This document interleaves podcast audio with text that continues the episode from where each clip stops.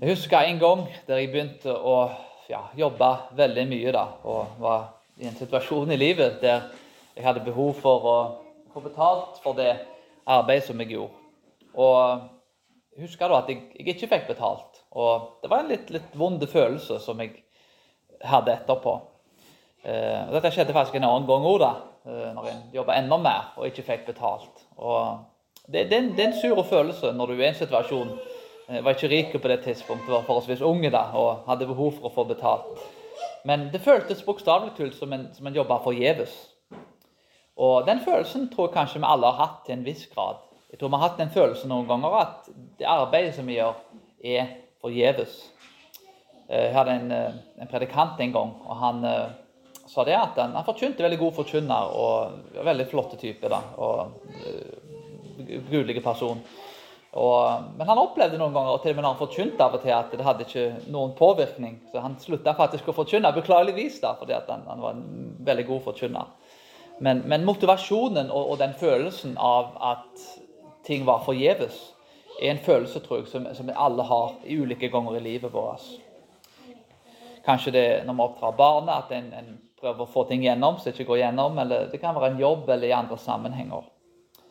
Er det sånn at det vi gjør, er forgjeves? Er arbeidet for Herren forgjeves? Det kan føles sånn ut noen ganger. Men eh, er det egentlig sånn i praksis? Og Det er det tror jeg Paulus jeg vil prøve å svare på i teksten. Det er tre ting som Paulus vil igjennom. Og Det første er at eh, kjøtt og blod kan ikke arve Guds rike. Nummer to seieren kommer med Jesus Kristus. Nummer tre vi skal være urokkelige i Herren. Vi begynner med den første først. Kjøtt og blod kan ikke arve Guds rike. Vers 50. Men det sier jeg, brødre. Kjøtt og blod kan ikke arve Guds rike. Heller ikke skal forgjengelighet arve uforgjengelighet. Paulus' argument her er at frelste folk må ha uforgjengelige kropper for å leve i Guds rike med Gud. Kjøtt og blod er et bilde på det som er forgjengelig, korrupt, svakt og syndig. Ofte så kan vi tenke at ja, men kroppen den er ond. Og Sokrates Det går bra. Eh, det, kan være en følelse av at eh, kroppen er ond. Og det er en gresk dualistisk tenkning. ved at Sokrates ble tvunget til å drukke gift når han så på det som en frigjørelse. Endelig så var ånden hans frigjort i, fra kroppen. Men det er ikke en bibelsk forståelse. Kroppen vår er et, en god ting. På samme måte som kniven er en gave til menneskeheten. Den blir brukt til å smøre på skjevene våre så vel som å skjære opp kjøtt. Men den kan også brukes til å stikke folk med. Så, så, en kniv i seg selv er en god ting, men den kan brukes til dårlige ting. Og likt er det med kroppen vår. Så Det er altså synden i kroppen vår som er ond. Det er ikke kroppen i seg selv. Det er en svært viktig ting å huske på når vi leser om kjødet. Så høres det av og til ut som at kroppen er ond. Men det er på ingen som helst måte i en jødisk forståelse. Kroppen er god, men synden kan drive oss til å utføre onde gjerninger. Forhåpentligvis da så gjør vi jo mer gode gjerninger med kroppen enn onde. Poenget er uansett at en må være født av Gud, oppstått med Jesus Kristus, og født på nytt i oppstandelsen for å ta del i disse tingene. Og En måte jeg forstår dette på, kan være dette med når Jesus snakker til Dekodemus og sier at du må bli født på nytt for å se Guds rike. En fysisk fødsel er jo å være i mors liv og, og gå ifra en, en, plass som er betraktelig mørkere enn et lyst rom. Så du går faktisk ifra en mørkeplass til en lyseplass. Du kommer inn i et veldig lyst rom eh, med mye lys i. Så, så en kommer fra mørket til lyset. Jeg reiste nå en, en periode i, i Pittsburgh, ca. en fem timers kjøretur. Eh, jeg måtte stoppe, det tok seks timer. Men, men, eh, og Der ble jeg spurt etter hva jeg hadde forkynt om jeg ville dele kort hvordan jeg kom til tro. da. Og det var faktisk i, i, rett før jeg begynte da, i, i sentrumskirken, baptistkirke i Haugesund. Og, men en ting som skjedde da, for meg var det som en lysbryter som gikk på. Det var altså Et øyeblikk som la vekk alle tingene jeg gjorde fra før. og, og, og det, var, det, var, nesten sekunder, eh, eller kanskje en dag og to, der, der plutselig livet ble helt omvelta. Men det er altså, du er i mørket og går inn i det som er lyst. altså Du blir født på nytt. Og For mange så, så skjer dette kanskje over lengre tidsperioder. Det kan skje over ti år, og der mer og mer lys sakte og sikkert blir introdusert inn i livet ens. Det kan være en kjører inn i mørke tunnel, kanskje i mange år, og til slutt så kommer en, en ser eh, lyset i slutten av tunnelen og kjører ut Men altså, uansett om det skjer over mange år, eller om det skjer på et øyeblikk og det, det, er ikke bedre at ting skjer på et øyeblikk enn at det skjer over mange år. Det var en som alltid sa at uh, det største vitnesbyrdet var at han aldri hadde opplevd fæle ting liksom, og gått, levd et, et, veldig tungt liv. Han hadde blitt bevart fra de tingene. Så det lyset i hans liv det var blitt eh, praktisert på over lengre tidsperioder. Så Det er svært viktig å huske på at om ting ikke skjer på et øyeblikk, så er det like stort når ting skjer over ti år som det skjer på ett minutt. Men uansett så går det tilbake til dette her, at en må bli født på nytt. En må gå fra det mørke og inn i det lyset. En må altså bare født av de tingene som, som Gud har kalt en inn i.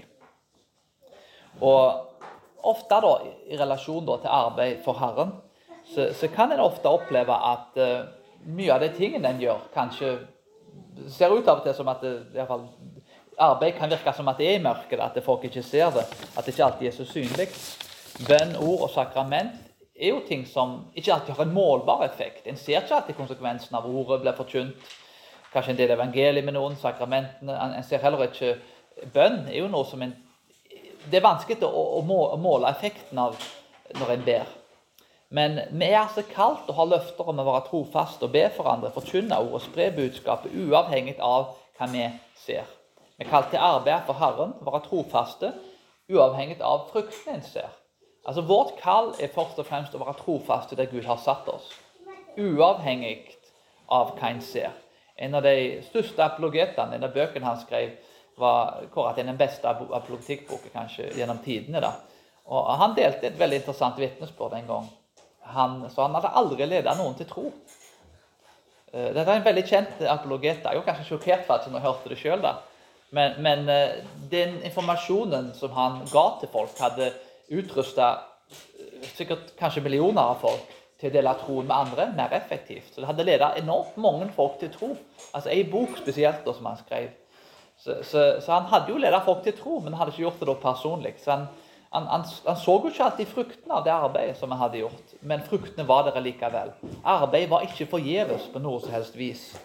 For, for, i det åndelige verden så har Gud lovt oss at Hans ord vil aldri gå tomt tilbake. Så Hvis du deler et bibelvers med noen, så er det en garanti for at det bibelverset vil sitte med folk resten av livet. Og Det bringer oss til det andre punktet, som er at uh, seieren kommer med Jesus Kristus. Vers 51-52. Se, jeg sier dere et mysterium. Vi skal ikke alle sovne inn, men vi skal alle bli forvandlet brått i et øyeblikk ved den siste basunen. For basunen skal lyde, og de døde skal bli reist opp uforgjengelige, og vi skal bli forvandlet. Denne oppstandelsen og Jesus' gjenkomst viser til det Jesus sier. Og Det er en svært viktigste ting med denne basunen. Hva betyr alle disse tingene her? Og, og hvordan påpeker dette den seieren vi har fått i Jesus Kristus som et resultat av å være trofast i den gjerningen som han da har gitt oss etter vi er blitt født på nytt. Og Det er mye diskusjon om denne basunen, hva det betyr. og Jeg skal ikke gå veldig mye inn på det, der, men jeg vil si noen ting som kan være til oppbyggelse, forhåpentligvis. Eh, de som tror på en opprykkelse for de kristne, altså, sorry, for de kristne før Jesus kommer, tolker denne verset at basunen refererer til opprykkelsen før den sjuårige trengselsperioden. Sju år etter den siste basunen så er det en basun som skal blåses etterpå, i Matteus 24, 31. Men det er vanskelig å tolke denne teksten på denne måten. For 1. Korinterbrevet 52 beskriver basunen som den siste basunen.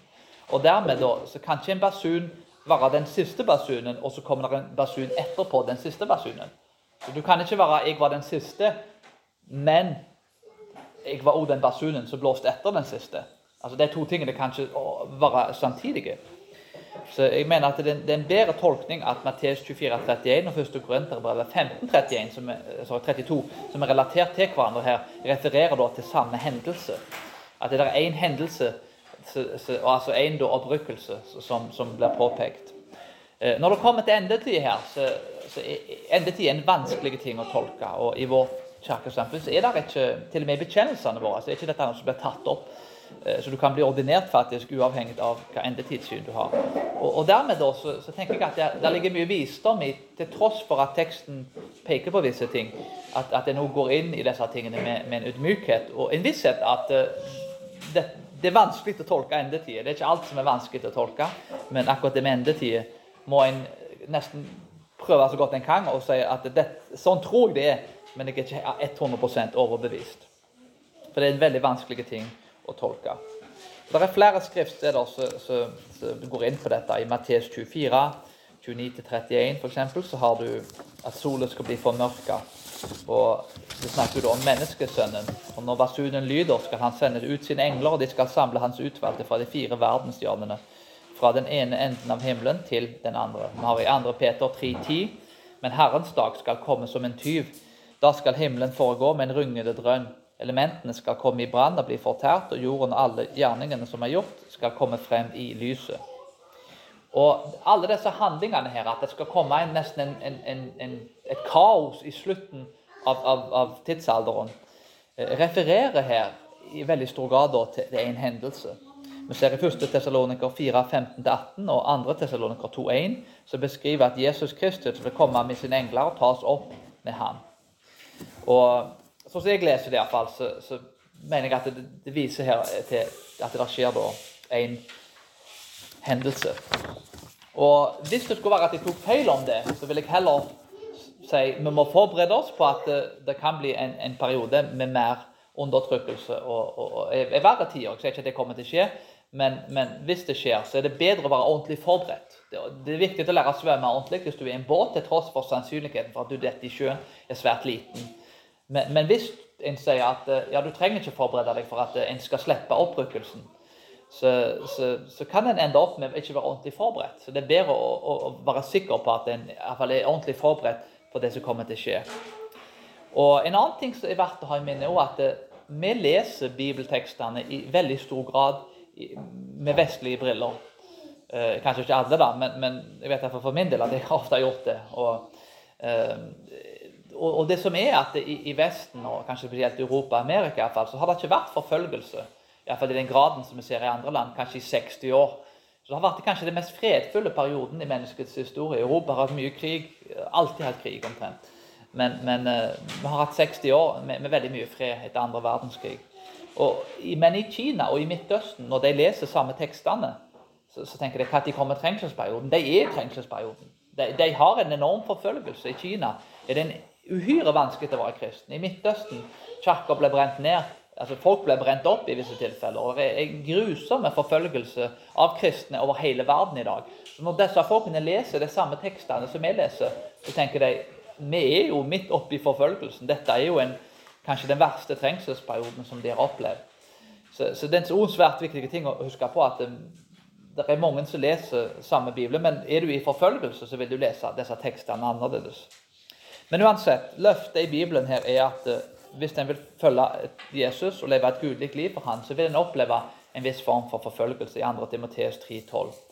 Og Det er et løfte i Bibelen som, som ikke alltid blir forkynt av lykkepredikanter og velstandspredikanter. Men det er et løfte i Bibelen. En vil bli forfulgt hvis en følger Jesus. Eh, den forfølgelsen vil ikke alltid være fysisk, men den kan være eh, eh, sosiale. Det kan være i forhold til jobbsammenheng. Jeg vet at i snitt, da, Hvis det står på CV-en din at du har vært i kristent arbeid, så er sannsynligheten din for å få jobb svært liten. da. Likt er det hvis du heter Mohammed eller hvis du er en muslim.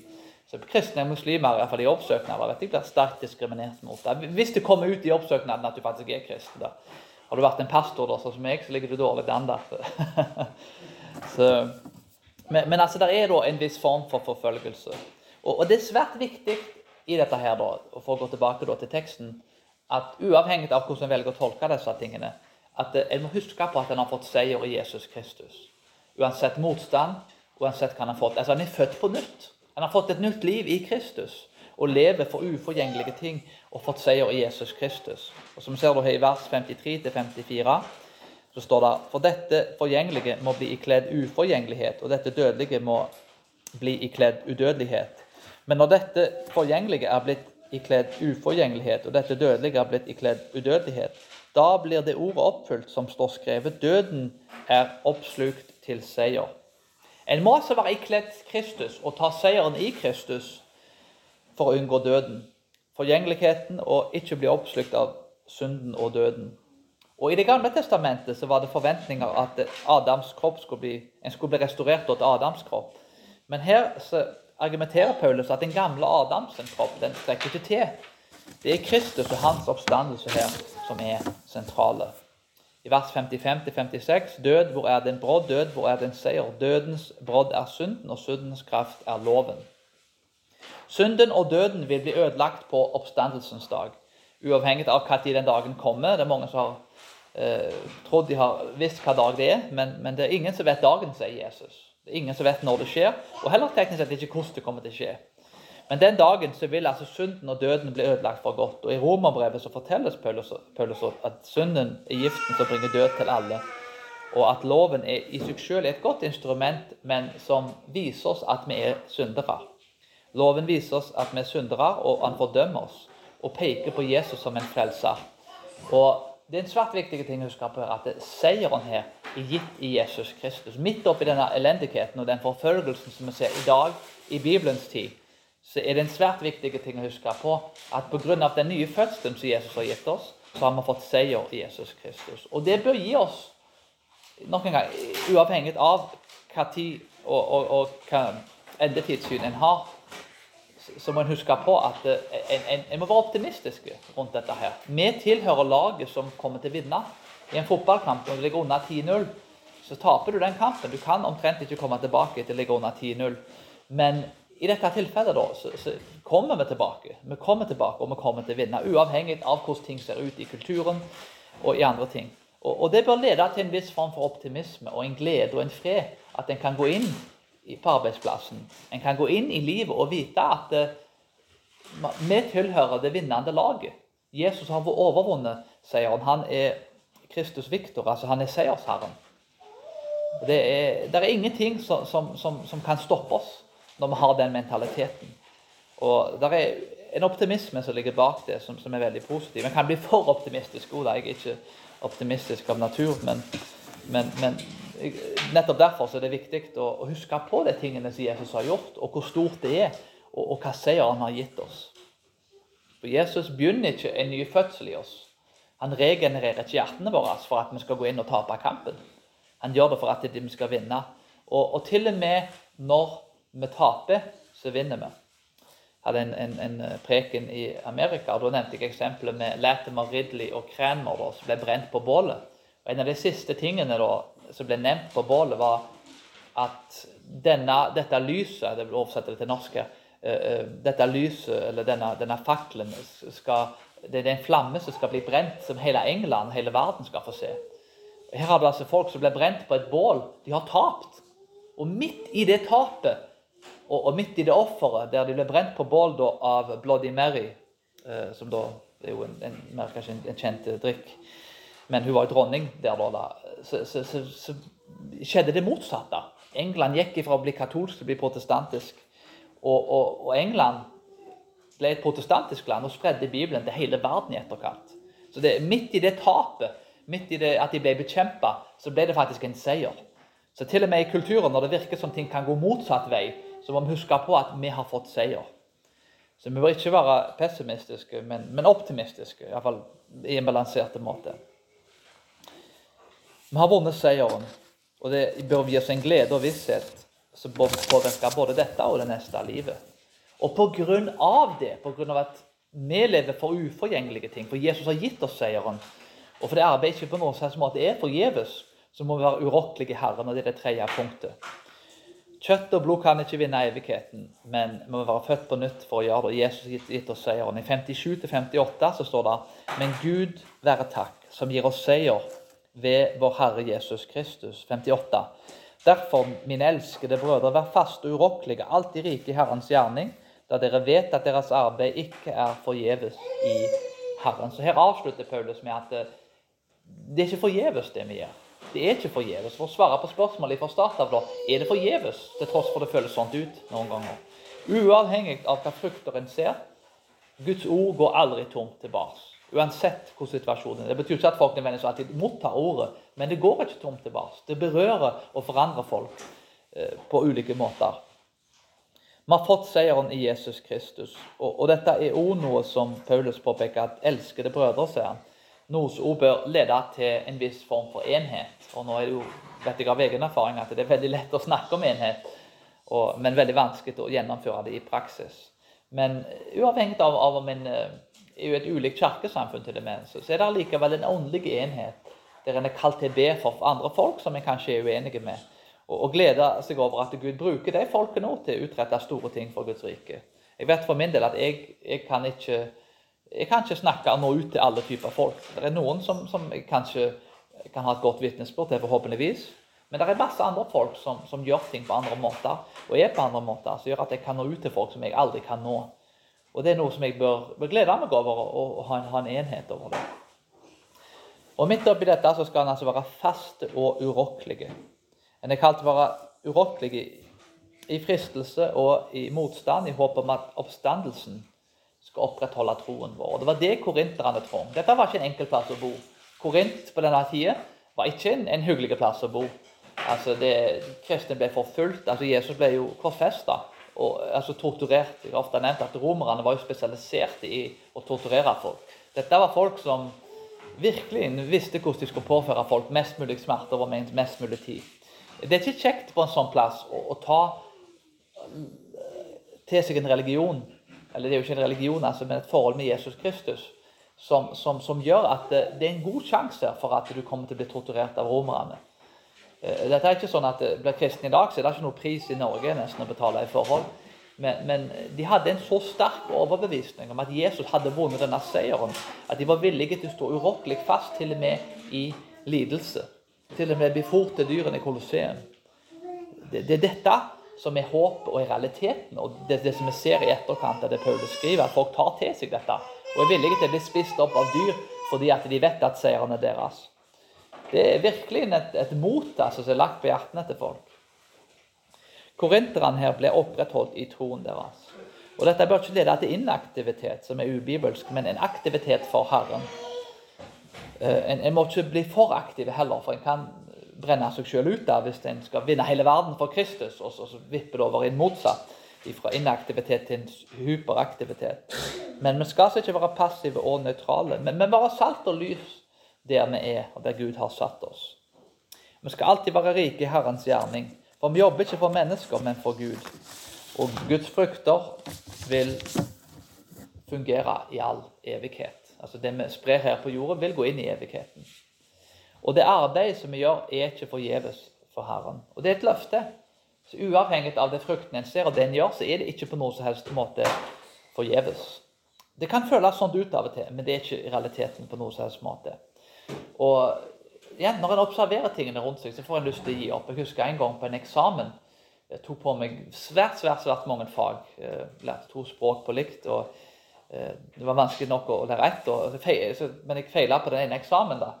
Og Det var veldig deprimerende. Utrolig deprimerende. Og jeg fikk lyst til å gi opp da.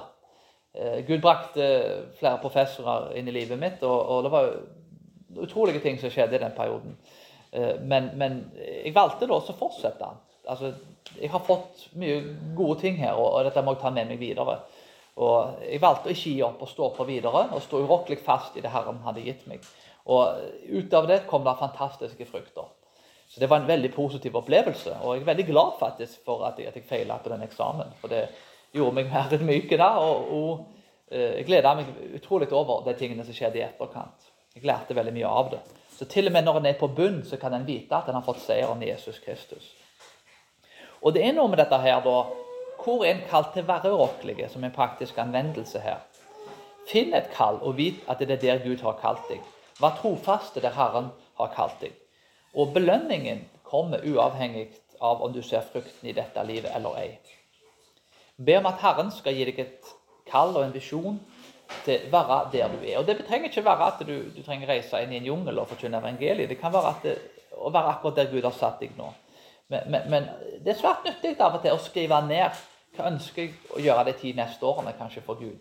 Be over det, og la Gud få være en del av den planen Ofte når en planlegger for ting, så, så, så oppnår en de målene på en mye mer effektiv måte. Eh, dette er ikke noe på noen slags måte som skal skje i egne gjerninger, eget strev. Det kommer til mot slutten her. Men, men det er vel en god praktisk anvendelse at en, en, en lager en egen plan for ting da, og ber om at Gud blir en del av den planen.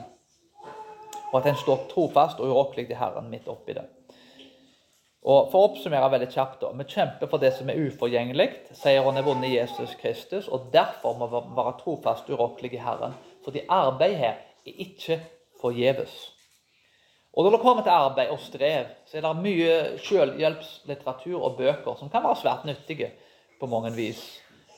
Reis deg selv opp. altså I Amerika sier de alltid 'pulling yourself up the bootstrap'. Altså liksom Du reiser deg opp fra avgrunnen og, og, og lever et, et, bra liv liksom, og tar gode valg. Eh, men du gjorde det på egen hånd. Det var du som reiste deg sjøl opp. Og, og, det er veldig fine ting. Det er ikke noe, er noe galt med det. Det er en bra ting å, å, ta personlig ansvar. Jeg er en stor tilhenger av det. Men evangeliet er, er ikke et budskap altså Gud hjelper den som hjelper seg sjøl. Det er Gud hjelper den som ikke kan hjelpe seg sjøl. Det er det som er evangeliet. Ganske motsatt av det som ble nevnt. Eh, vi skal jobbe, vi skal streve, men vi skal gjøre dette og jobbe urokkelig i Herren på en måte som ikke at vi blir frelst av å gjøre disse tingene, men akkurat det motsatte. Vårt arbeid er i Herren og ikke i oss sjøl. Og I Efeserbrevet så er det jo nettopp dette at av nåde er vi frelst ved tro. Eh, vi skal bli lik Han. Han har lagt ferdiglagt gjerninger for oss. Vi kan ikke skryte av noen ting. Og til og med gjerningene som han har lagt foran oss, er hans. Livet før i og etter en er frelst, er et resultat av hans gode, umåtståelige nåde. da, og som et resultat av det. Så når en gjør de gode gjerningene her, så må det ikke være et strev, en selvrettferdiggjørelsesprosess. Det må være en prosess der som han har frelst oss. Derfor så ønsker vi med glede og med fred, med takknemlighet, å gå ut og tjene Han med våre liv. Så det må være en frigjørelse og en frihet som ligger i det, og ikke en loviskhet at en, en, en blir rettferdiggjort av egne gjerninger. Og når en gjør det, da, når en går, gjør disse gjerningene og står fast urokkelig i Herren som et resultat av Hans nåde, da, og når en gjør de gode gjerningene, ikke for å bli frelst, men fordi en allerede er frelst, så er ikke arbeidet forgjeves. Og det er et rikt og godt løfte i dagens kultur. Vi har altså da, som sangen sier her, full visshet om at han som begynte en god gjerning i oss. Han som regenererte oss, han som vant seieren i oss. Og han som sier at vi skal stå urokkelig fast i han. Den gjerningen som han begynte før verdens grunnvoll ble lagt, det er en gjerning som vil bli fullført i han. Så La oss ta det i minne og, og be om at Herren skal gi oss den styrken som, som vi trenger for å utføre disse gode gjerningene. La oss be. Himmelske Far, vi takker deg for alle de gode tingene som du har gitt oss. Må vi vite at du har vunnet seieren i oss, og du har regenerert våre hjerter. Og at du vil gi oss styrke til å stå urokkelig fast i deg. Eh, det er vanskelig å leve for deg i dag, men, og vi vet at vi kan ikke gjøre det på egen hånd. Og de gangene vi ikke klarer å gjøre det på egen hånd, så ber vi om at du må være med oss og hjelpe oss til ikke gjøre det på egen hånd, men gjør det i din kraft. At det er du som er med reiser oss opp og gir oss Den hellige ånds styrke til å klare det må du følge oss opp, ikke med kjødets frukter, men med åndenes frukter. La kjærligheten, gleden og freden og sjølkontrollen og tålmodigheten og alle de andre fruktene være med og fylle våre liv.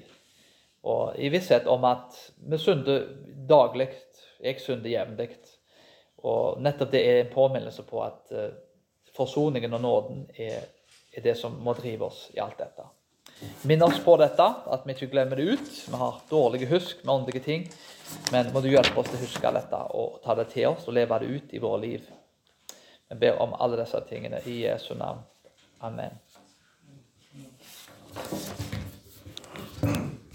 Kan vi reise oss